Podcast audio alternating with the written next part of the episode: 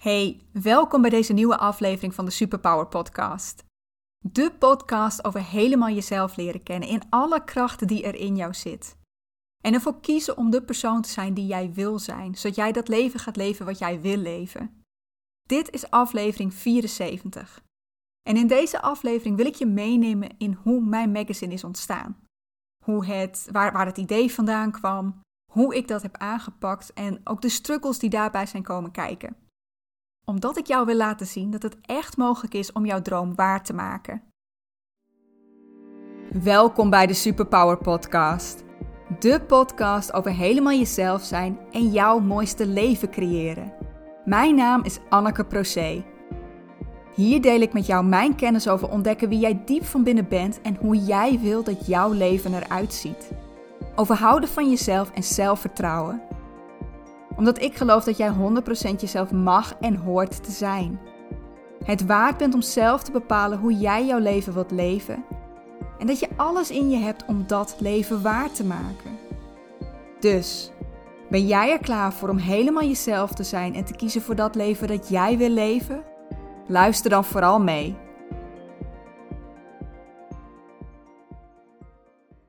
Hey, wat leuk dat je er bent. Uh, het is een tijdje geleden dat ik voor het laatst heb gepodcast. Drie weken geleden, geloof ik. En dat komt doordat alles regelen voor de verkoop van Kracht Magazine meer tijd en energie kostte dan ik had verwacht. En ik weet niet of ik nou echt heel goed voor mezelf heb gezorgd de afgelopen tijd. Of uh, al die tijd en energie die in Kracht Magazine is gaan zitten, of dat ten koste is gegaan van mijn gezondheid. Maar ik werd ook nog eens ziek. Um, en ja, weet je, dat is niet echt de beste combinatie midden in de start van de verkoop. En ik heb daardoor ook een tijdje last gehad van mijn stem. Uh, daardoor had ik niet heel veel zin om een half uur in deze microfoon te gaan zitten kletsen. Uh, plus, ik wilde je mijn kraakstem eigenlijk besparen. Maar ik ben er weer, helemaal gezond ook. En in deze podcast wil ik jou meenemen in het ontstaan van Kracht Magazine.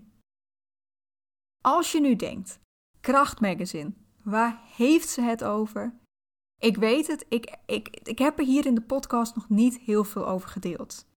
Maar het afgelopen jaar ben ik bezig geweest met het schrijven en het ontwikkelen van mijn eigen magazine. En ik wil jou graag meenemen in hoe dat tot stand is gekomen, hoe ik dat heb aangepakt, uh, wat er allemaal is gebeurd, weet je, zowel de wins als de struggles. Omdat ik geloof dat je hier heel veel van kunt leren als jij ook dat verlangen voelt om iets op te pakken. En ik wil je heel graag laten zien dat het ook echt mogelijk is om een droom realiteit te maken. Om doelen te bereiken. Zoals ik net al zei, ik heb er hier niet veel over gedeeld. Ik denk tussen neus en lippen door wel, wel eens iets. Maar het voelde heel raar om ja, het midden in het proces daar steeds over te hebben. dat, ik, dat ik ging zeggen, ja, oh, ik heb weer een artikel geschreven. Of, hé, hey, de vormgever heeft weer een deel vorm gegeven. Uh, ik weet het niet. Ik weet eigenlijk zelf niet eens zo goed wat ik er tijdens het proces echt over had kunnen delen. Ja, dus ik hield mij stil. Maar achter de schermen was ik druk bezig. Eigenlijk niemand wist daar iets van, behalve een aantal mensen in mijn directe omgeving. Ehm, de mensen die mij op Instagram volgen een klein beetje. Daar heb ik er wel af en toe iets over gedeeld, over waar ik nou elke dag mee bezig was. Maar zelfs daar voelde het saai, denk ik, om dagen achter elkaar te vertellen dat ik bezig was met schrijven. Dus nee, het meeste was echt achter de schermen, alsof er een, ja, een grote sluier overheen lag. Ik denk niet dat het saai vinden om het hierover te hebben, dat dat de enige reden was om het er niet over te hebben. Want doordat ik het niet aan de grote klok heb gehangen, beschermde ik mezelf ook wel een beetje.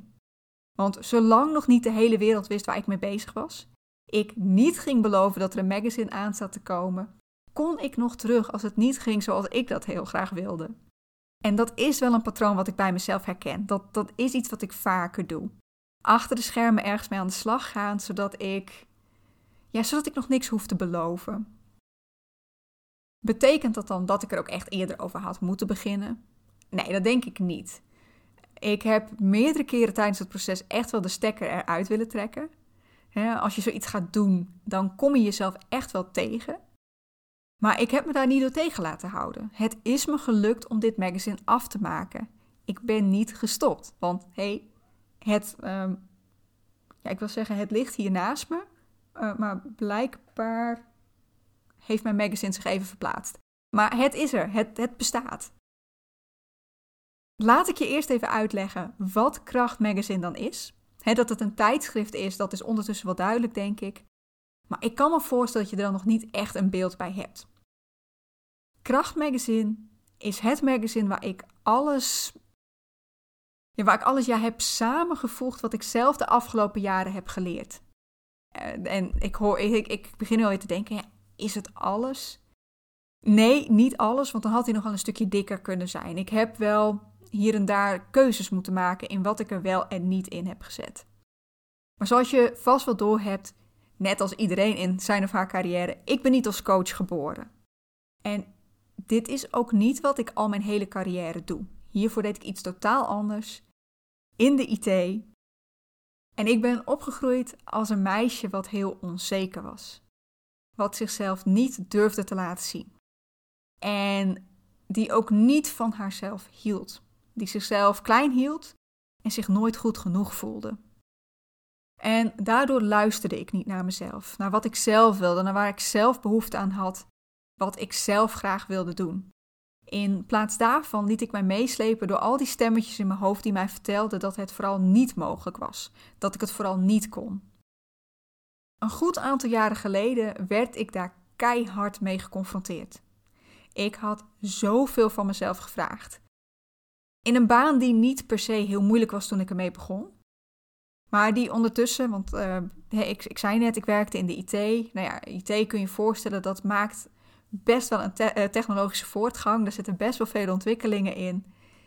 En het was mij een beetje boven mijn pet gegroeid. En waar ik aan de ene kant nog steeds tegengehouden werd door dat stemmetje wat zei: dat kan jij niet, was er aan de andere kant ook een gevoel dat zei: dit wil jij helemaal niet. Maar ik durfde daarin niet naar mezelf te luisteren.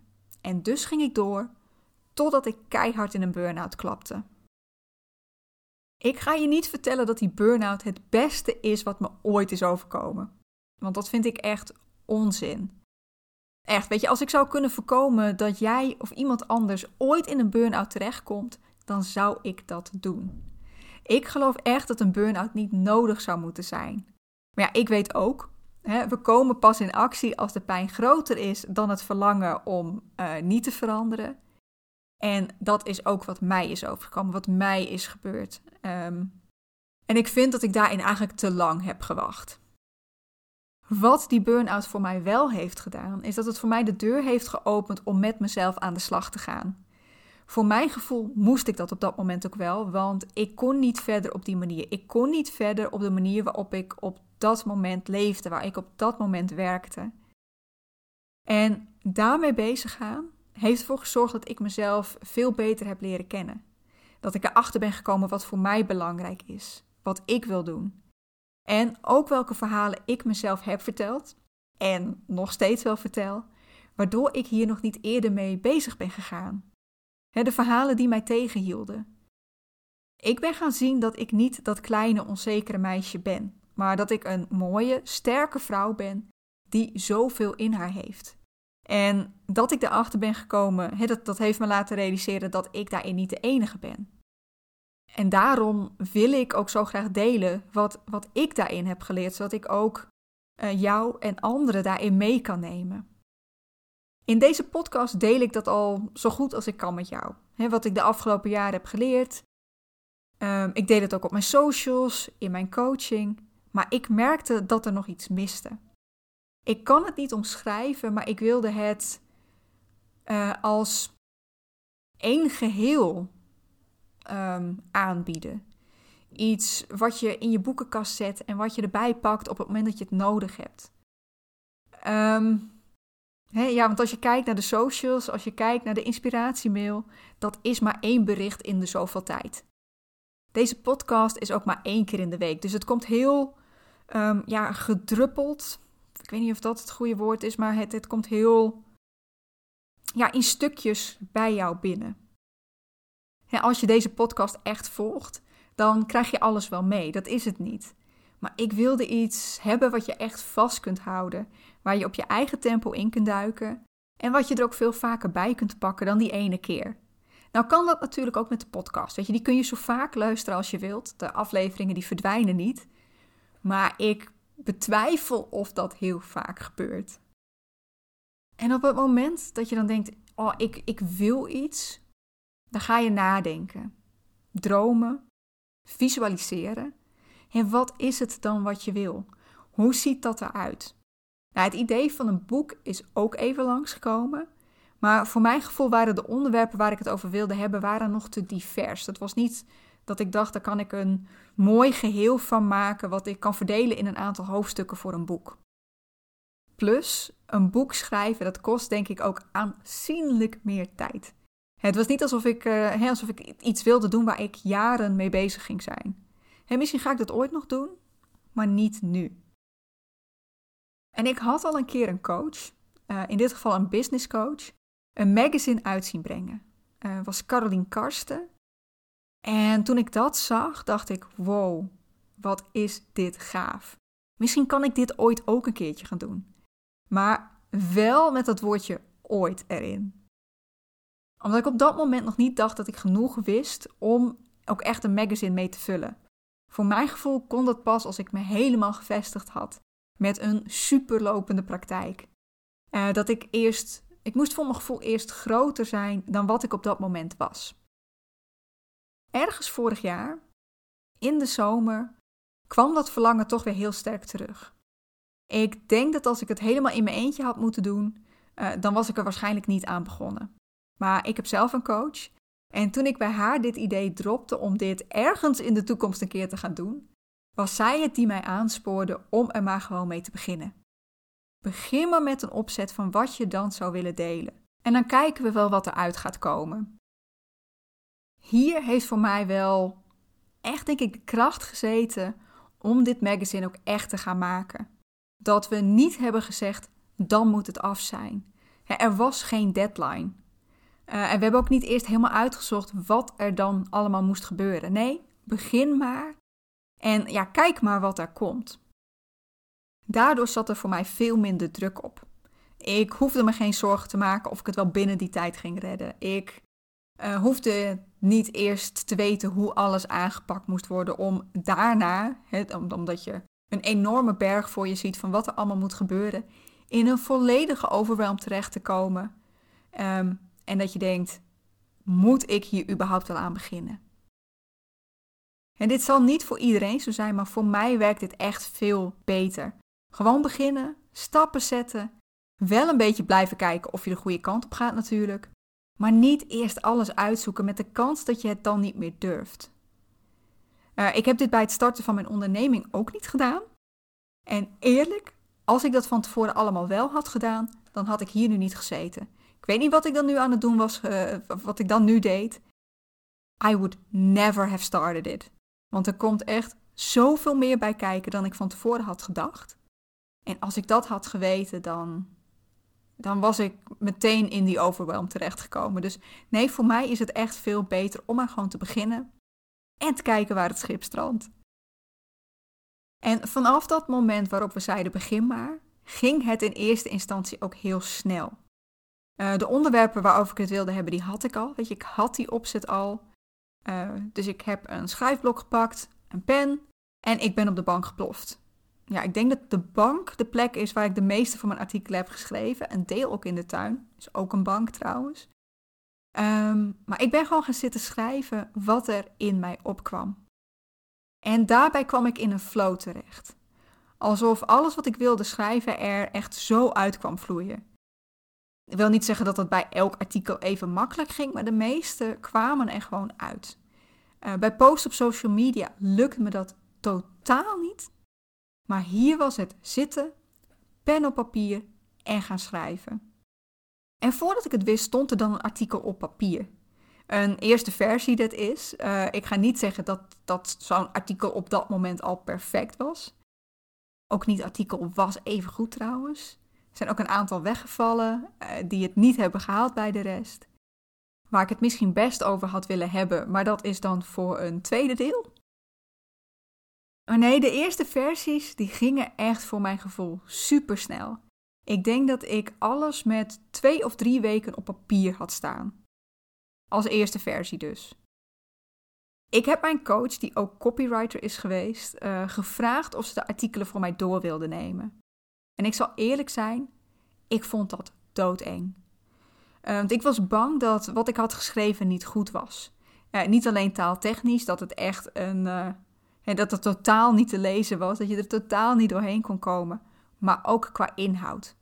Want alles waar ik het over heb in mijn magazine, over jezelf kennen, over overtuigingen, over jouw innerlijke criticus, over waarom je vooral wel in actie moet komen, dat zijn allemaal onderwerpen waar zij ook verstand van heeft. En dat maakte me echt heel erg onzeker. Want klopte het wel wat ik zei? Ik denk dat dit het eerste moment is waarop ik heb gedacht: moet ik hiermee wel doorgaan? Is het niet beter om te stoppen? En dit is waar ik me klein wilde maken, waar ik me terug wilde trekken. En nou ben ik er natuurlijk helemaal niet voor om je klein te houden. jij niet, ik niet. Uh, maar helaas, ook mij overkomt dat nog steeds wel eens. Ik weet niet of je bekend bent met imposter syndrome. Uh, dat je je af gaat vragen, wie ben ik nou om dit te doen? Wanneer val ik door de mand? Wanneer zien ze dat ik helemaal niet weet waar ik het over heb? Nou, dat heb ik ook nog wel eens. En dat had ik ook zeker bij Kracht Magazine. Dat dit ging gebeuren kwam echt niet als een verrassing. Altijd als je iets nieuws gaat doen, weet je, iets uitdagends, iets spannends, dan gaan er allemaal gedachten naar boven die je laten twijfelen. Ik heb het hier wel eerder over gehad, maar dit is jouw brein die jou veilig probeert te houden. Die niet zo van veranderingen houdt, want ja, ja geen idee wat er gaat gebeuren.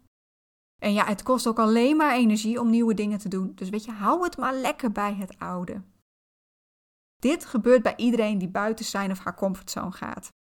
Als dat niet gebeurt, als je dat niet ervaart, dan zijn er volgens mij twee dingen, of er zijn er twee dingen die aan de hand kunnen zijn. Eén, het is niet uitdagend genoeg. Eigenlijk zit je nog steeds in je comfortzone. Of twee, je bent al zo vaak buiten je comfortzone gegaan dat jouw comfortzone ondertussen zo groot is dat weinig nog uitdagend aanvoelt. En eigenlijk betekent ook dat gewoon dat je nog steeds in je comfortzone zit. Alleen jouw comfortzone is ondertussen veel groter. Ik denk echt dat iedereen die buiten zijn comfortzone gaat, op zijn minst een kriebel voelt. Even dat, dat, dat, dat dichtknijpen van je keel, zeg maar. Maar hoe snel dat gebeurt, dat is, dat is weer afhankelijk van hoe groot jouw comfortzone is. Is mijn comfortzone heel groot? Weet ik niet denk dat het nog wel meevalt. Ik denk dat hij nog veel groter kan zijn. Maar hij is wel een stuk groter dan, let's say, tien jaar geleden. Maar dit magazine, dat viel wel echt buiten die comfortzone. Ik ben wel blij dat ik wist dat dit ging gebeuren. In ieder geval dat ik het kon, kon herkennen op het moment dat het gebeurde. Want dat heeft mij enorm geholpen om daar niet aan toe te geven. Om niet te luisteren naar die stem die zei: Anders stop je er toch gewoon mee.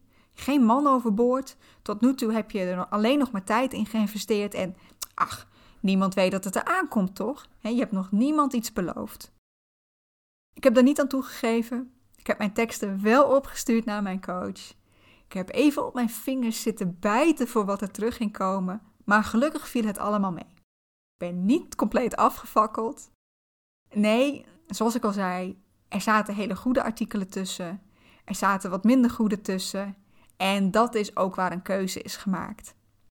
Een deel van de minder goede artikelen is herschreven, iets wat ik niet makkelijk vond.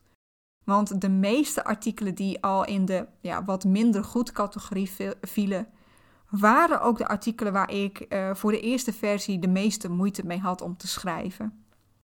En ja, nou moest ik het nog een keer doen. En er zijn ook artikelen in de niet zo goed categorie die gewoon zijn weggevallen. Ook omdat ik, en daar kom ik straks bij het stukje vormgeving op, eerder te veel had dan te weinig. Ja, het schrijven voelde best gemakkelijk. Het herschrijven, alles behalve. Um, ik merk wel dat ik daardoor sterker ben geworden in schrijven. Dat ik veel kritischer ben gekeken naar hoe bouw ik mijn zinnen op. Uh, wat, waar schrijf ik wel over, waar schrijf ik niet over. En ik denk dat voor alle artikelen geldt dat als ik daar nog een keer grondig overheen zou gaan, dat ze dan nog beter zouden kunnen worden, nog pakkender. waar ik dan wel op zou moeten letten, is dat het niet mijn eigen geluid zou verliezen. Want ik heb bij die artikelen echt geprobeerd om het te schrijven zoals ik het ook zou zeggen. En ik heb in ieder geval al van een van de mensen, een van de mensen die ik coach, uh, teruggekregen dat toen ze het voorwoord las, dat het ook echt net was alsof ze mij hoorde praten. En dat vind ik echt een heel groot compliment. Verder dan dat was ze nog niet. Ze had alleen het voorwoord gelezen. Uh, dus ik heb geen idee of het voor de artikelen ook goed is gelukt. Uh, ik gok dat voor de artikelen die best makkelijk uit de pen kwamen rollen, dat dat daar wel redelijk zo is. En bij een aantal waar het wat moeilijker ging, misschien niet. Maar ja, dit is wel echt wat ik wilde bereiken. Dat mensen mij horen als ze de artikelen lezen. Maar dat herschrijfproces heeft bij mij af en toe wel echt het bloed onder de vingers vandaan gehaald. Want er waren echt een aantal artikelen waarin ik vond dat ze, waarvan ik vond dat ze erin moesten staan, maar waar het me niet lukte om de juiste woorden op papier te krijgen. De feedback die ik daarbij terugkreeg van mijn coach en ondertussen ook mijn editor, was dat die een wat negatievere sfeer hadden. Minder op de kracht van de persoon die het leest. En ik vond dat best moeilijk om dat om te buigen. En dat herschrijven, dat herschrijven vond ik dan ook echt niet het leukste deel van het maken van het magazine. Maar dat is de inhoud. Ik heb nu heel veel over de inhoud gehad. Maar een magazine is natuurlijk meer dan een aantal letters op papier. Veel letters, dat wel. Maar een magazine bestaat uit meer dan dat. Weet je, het moet er ook aantrekkelijk uitzien. Met mooie foto's, mooie quotes. Een, een, een boek is vooral uh, wit papier, zwarte letters. Met misschien af en toe een afbeelding die, die meehelpt. Maar een magazine moet er echt aantrekkelijk uitzien. Nou, gelukkig hoefde ik dat niet zelf te doen. Uh, dan had het echt nog veel langer geduurd. Dan had ik misschien toch beter een boek kunnen schrijven. Uh, maar nee, hiervoor heb ik een vormgever erbij gehaald. In dit geval Esther van Paperspark. Ik ben haar echt ontzettend dankbaar. Waar we denk ik nog wel even tegenaan liepen is, hè, wie, wie gaat de afbeeldingen uitkiezen? Want ik was daar een ontzettende perfectionist in. Ik wilde eigenlijk echt afbeeldingen die super goed pasten bij elk artikel. En uh, ja, wat kies je uit bij zelfliefde? Wat kies je uit bij zelfvertrouwen? Geen idee. Dus uiteindelijk zijn we daar iets minder de perfectionistische kant uitgegaan. Maar een van de eerste dingen die we hebben doorgenomen voor het magazine is het aantal pagina's wat het ging worden. En dit is natuurlijk ook nodig voor een offerte, want hey, meer pagina's is meer werk en is dus meer betalen. En we zijn daar begonnen op 80 pagina's. En ik wist al, dat gaat wel lukken. Ik had al zoiets van, nou ja, het wordt waarschijnlijk meer. Dus we hielden de optie al open om er 96 van te maken. Uiteindelijk werd dat 112, want het ging me zelfs niet lukken binnen die uh, 96. En als je nu denkt, hé, waarom komt er dan steeds zoveel pagina's bij? Dat is omdat ze in drukwerkland werken met uh, katernen van 16 pagina's. Dus eigenlijk elke keer als je wil verhogen, komen er 16 pagina's bij. Maar dat je je vast moet leggen op een aantal pagina's, dat betekent wel dat je keuzes moet gaan maken. En daarom zijn een aantal artikelen die toch niet het beste waren en niet noodzakelijk, toch afgevallen. De ruimte was er gewoon niet. Nadat de volledige inhoud er was, uh, herschreven en wel, kwam, hè, en ik ook met de vormgever al aan de slag was, kwam eigenlijk het deel wat nog het langste heeft geduurd. Waar ik me echt wel heb vergist in hoeveel tijd daarin gaat zitten. En dat is het steeds weer bijwerken van dat uiteindelijke artikel. Van hoe het er uiteindelijk uitkomt te zien. Hoe het past op een pagina. Um, ik heb daar qua wat ik daarvan heb geleerd, denk ik, niet heel veel over te melden. Maar dat is iets waar nog echt nog heel veel tijd in is gaan zitten. En als ik dan kijk naar het, het hele ontstaan van dat magazine, dan zijn er een aantal lessen die ik daarin heb geleerd. En dat zijn lessen die niet alleen van toepassing zijn op het maken van een magazine, maar die eigenlijk ja, bij het hele proces van het waarmaken van, van je droom of het bereiken van een doel passen. En de eerste is echt gewoon beginnen. Niet nadenken over wat er dan allemaal moet gebeuren of wat je allemaal moet kunnen. Dat komt wel. Het gaat je alleen maar tegenhouden als je in één keer alles op je af laat komen. En uiteindelijk kun je echt alles fixen op het moment dat, jij dat je er tegenkomt. En terwijl je ermee bezig bent, ga je er ook steeds meer achter komen wat het dan mag worden, wat je einddoel gaat zijn, welke kant je op wil. Want aan het begin dan kun je nog zo'n mooi beeld hebben van hoe het eruit moet komen te zien. Pas als je ermee bezig bent, dan ga je erachter komen wat het echt mag worden. Of je jezelf een deadline gaat geven, is een tweede les. En dat is iets wat je echt even heel goed bij jezelf aan moet gaan voelen wat voor jou beter werkt. werkt een deadline voor jou motiverend? Bijvoorbeeld, ik wil binnen twee jaar die reis naar bijvoorbeeld Australië gaan maken.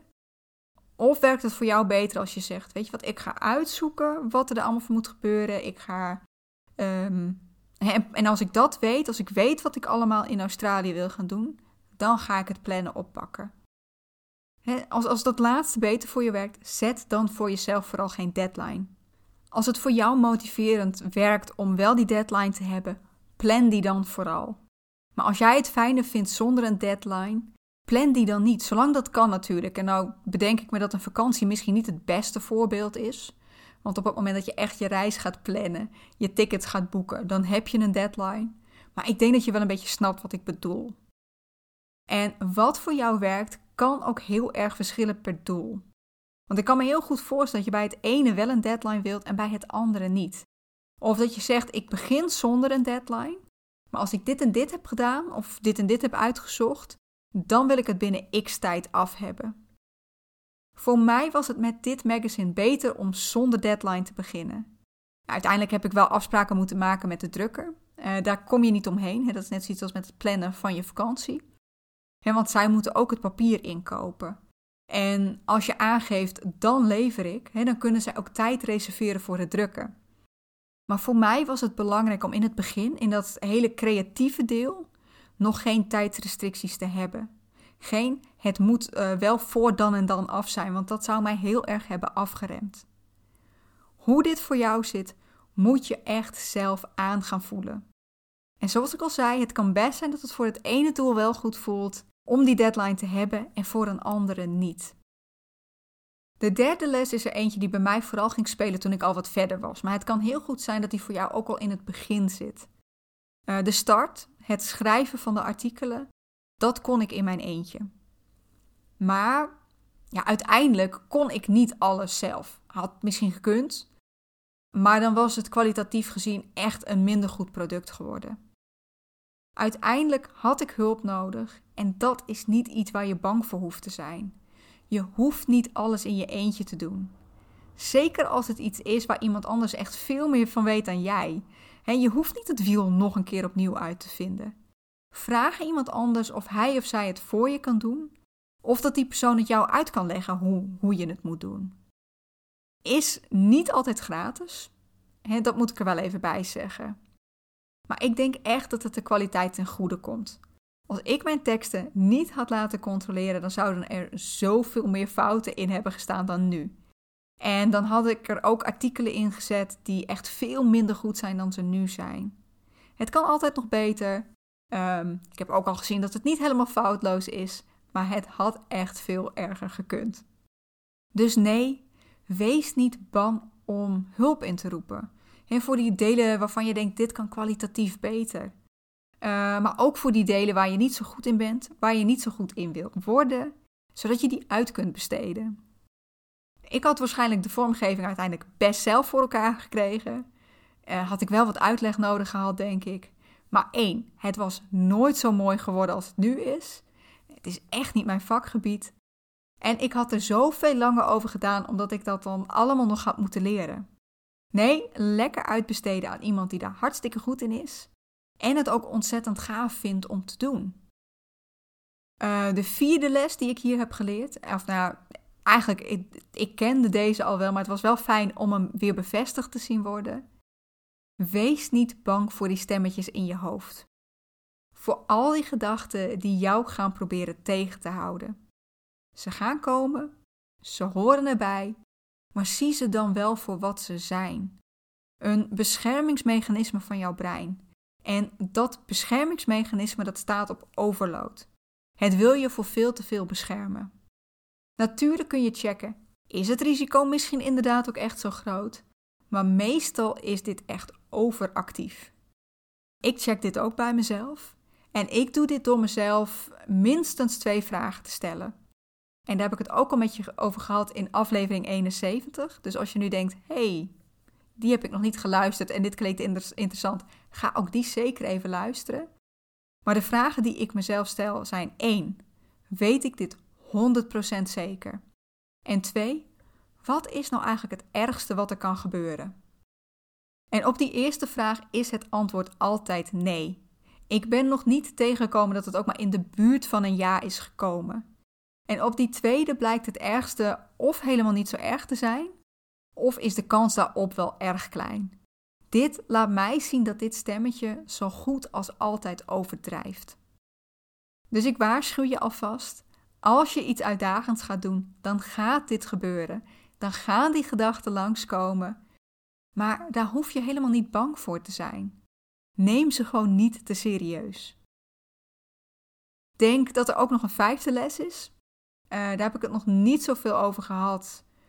Want um, hij was bij mij niet echt heel nadrukkelijk aanwezig, denk ik. Maar dat is dat goed goed genoeg is. Het hoeft niet perfect. En ja, ik heb overal natuurlijk geprobeerd om het zo goed mogelijk te doen. ik wil wel echt een kwalitatief goed product leveren. En ik heb dit wel een paar keer gevoeld. Op de momenten dat ik echt even onzeker was. Dan kwam, op, dan, dan kwam echt het gevoel van en het moet perfect, het moet beter. Dat kwam echt, echt terug. En ik denk ook dat dat is wat perfectionisme is, in ieder geval wel bij mij. Het heeft heel erg te maken met die onzekerheid. Nou noem ik mezelf alleen geen perfectionist. Bij mij is het meestal dat ik goed ook echt goed genoeg vind. Maar als je dit wel bij jezelf herkent, dat je echt vindt dat het perfect moet zijn voordat het de deur uit mag, dan is dit wel een les die je ook mee mag nemen. Goed is goed genoeg. Um, het gaat je echt zoveel meer tijd en energie kosten als je echt op elke i een puntje wilt. Figuurlijk gezien dan. En als het iets is wat je typt, dan staat dat puntje er automatisch. Maar je snapt wat ik bedoel. En daarmee loop je ook het risico dat je weer wilt stoppen. Want hé, hey, het is niet goed genoeg. Uh, laten we maar niet doorgaan. Ik denk ook dat perfectionisme echt zo'n mechanisme is wat er eigenlijk voor wil zorgen dat je geen risico neemt. Zijn er dingen die ik anders had kunnen doen als het gaat om Krachtmagazine? Ja, zeker. Aan de ene kant ben ik heel blij dat ik hier zoveel van mijn eigen lessen in, in kan delen. Uh, dat was in eerste instantie ook gewoon echt de insteek. Ik wilde mijn lessen delen. Maar het magazine had nog, nog veel sterker kunnen worden als ik meer interviews had gedaan. Er staan nu ook een aantal interviews in, maar dat hadden er echt veel meer kunnen zijn. Um, ik denk dat daar ook wel weer dat deel van mij zat wat mij klein probeerde te houden. Ik vond het namelijk doodeng om anderen te vragen of ik ze mocht interviewen. Waarom zouden ze hun tijd besteden aan zo'n klein magazine? En dat is ook wel een beetje wat mij tegenhoudt om meer mensen te gaan interviewen in deze podcast. Want de podcast is nou niet echt super groot, zal ik eerlijk bekennen. Uh, dus ja, wie wil daar dan zijn tijd aan besteden? Als ik het nog een keer zou doen, een magazine dat is, dan zou ik er meer andere experts bij gaan betrekken. Eigenlijk alles wat ik anders had kunnen doen, alles wat, ik anders had willen doen, dat zit in dit hoekje. Mezelf klein houden. Ik heb namelijk ook niemand benaderd voor advertenties. En dan bedoel ik dat anderen in mijn magazine konden adverteren. Ja, dan was hij wel nog dikker geworden. Of ik had nog wat moeten schrappen. En ergens is het ook wel mooi dat het magazine advertentievrij is. Maar ik moet je wel vertellen dat een magazine laten drukken niet goedkoop is. Dit is geen winstgevend model. Niet zoals ik hem nu heb ingesteld, tenminste. En dat is niet omdat ik wil laten weten, omdat ik wil zeggen van goh, kijk mij eens barmhartig zijn. Uh, dit magazine kost me veel meer dan het me oplevert. Want daar heb ik geen problemen mee. Maar het had anders kunnen zijn als ik een aantal advertenties had kunnen verkopen. Maar ook hier weer. Ik ga een magazine in eigen beheer uitbrengen. Geen idee wat het bereik gaat zijn. Dus wie wil hier in hemelsnaam in adverteren?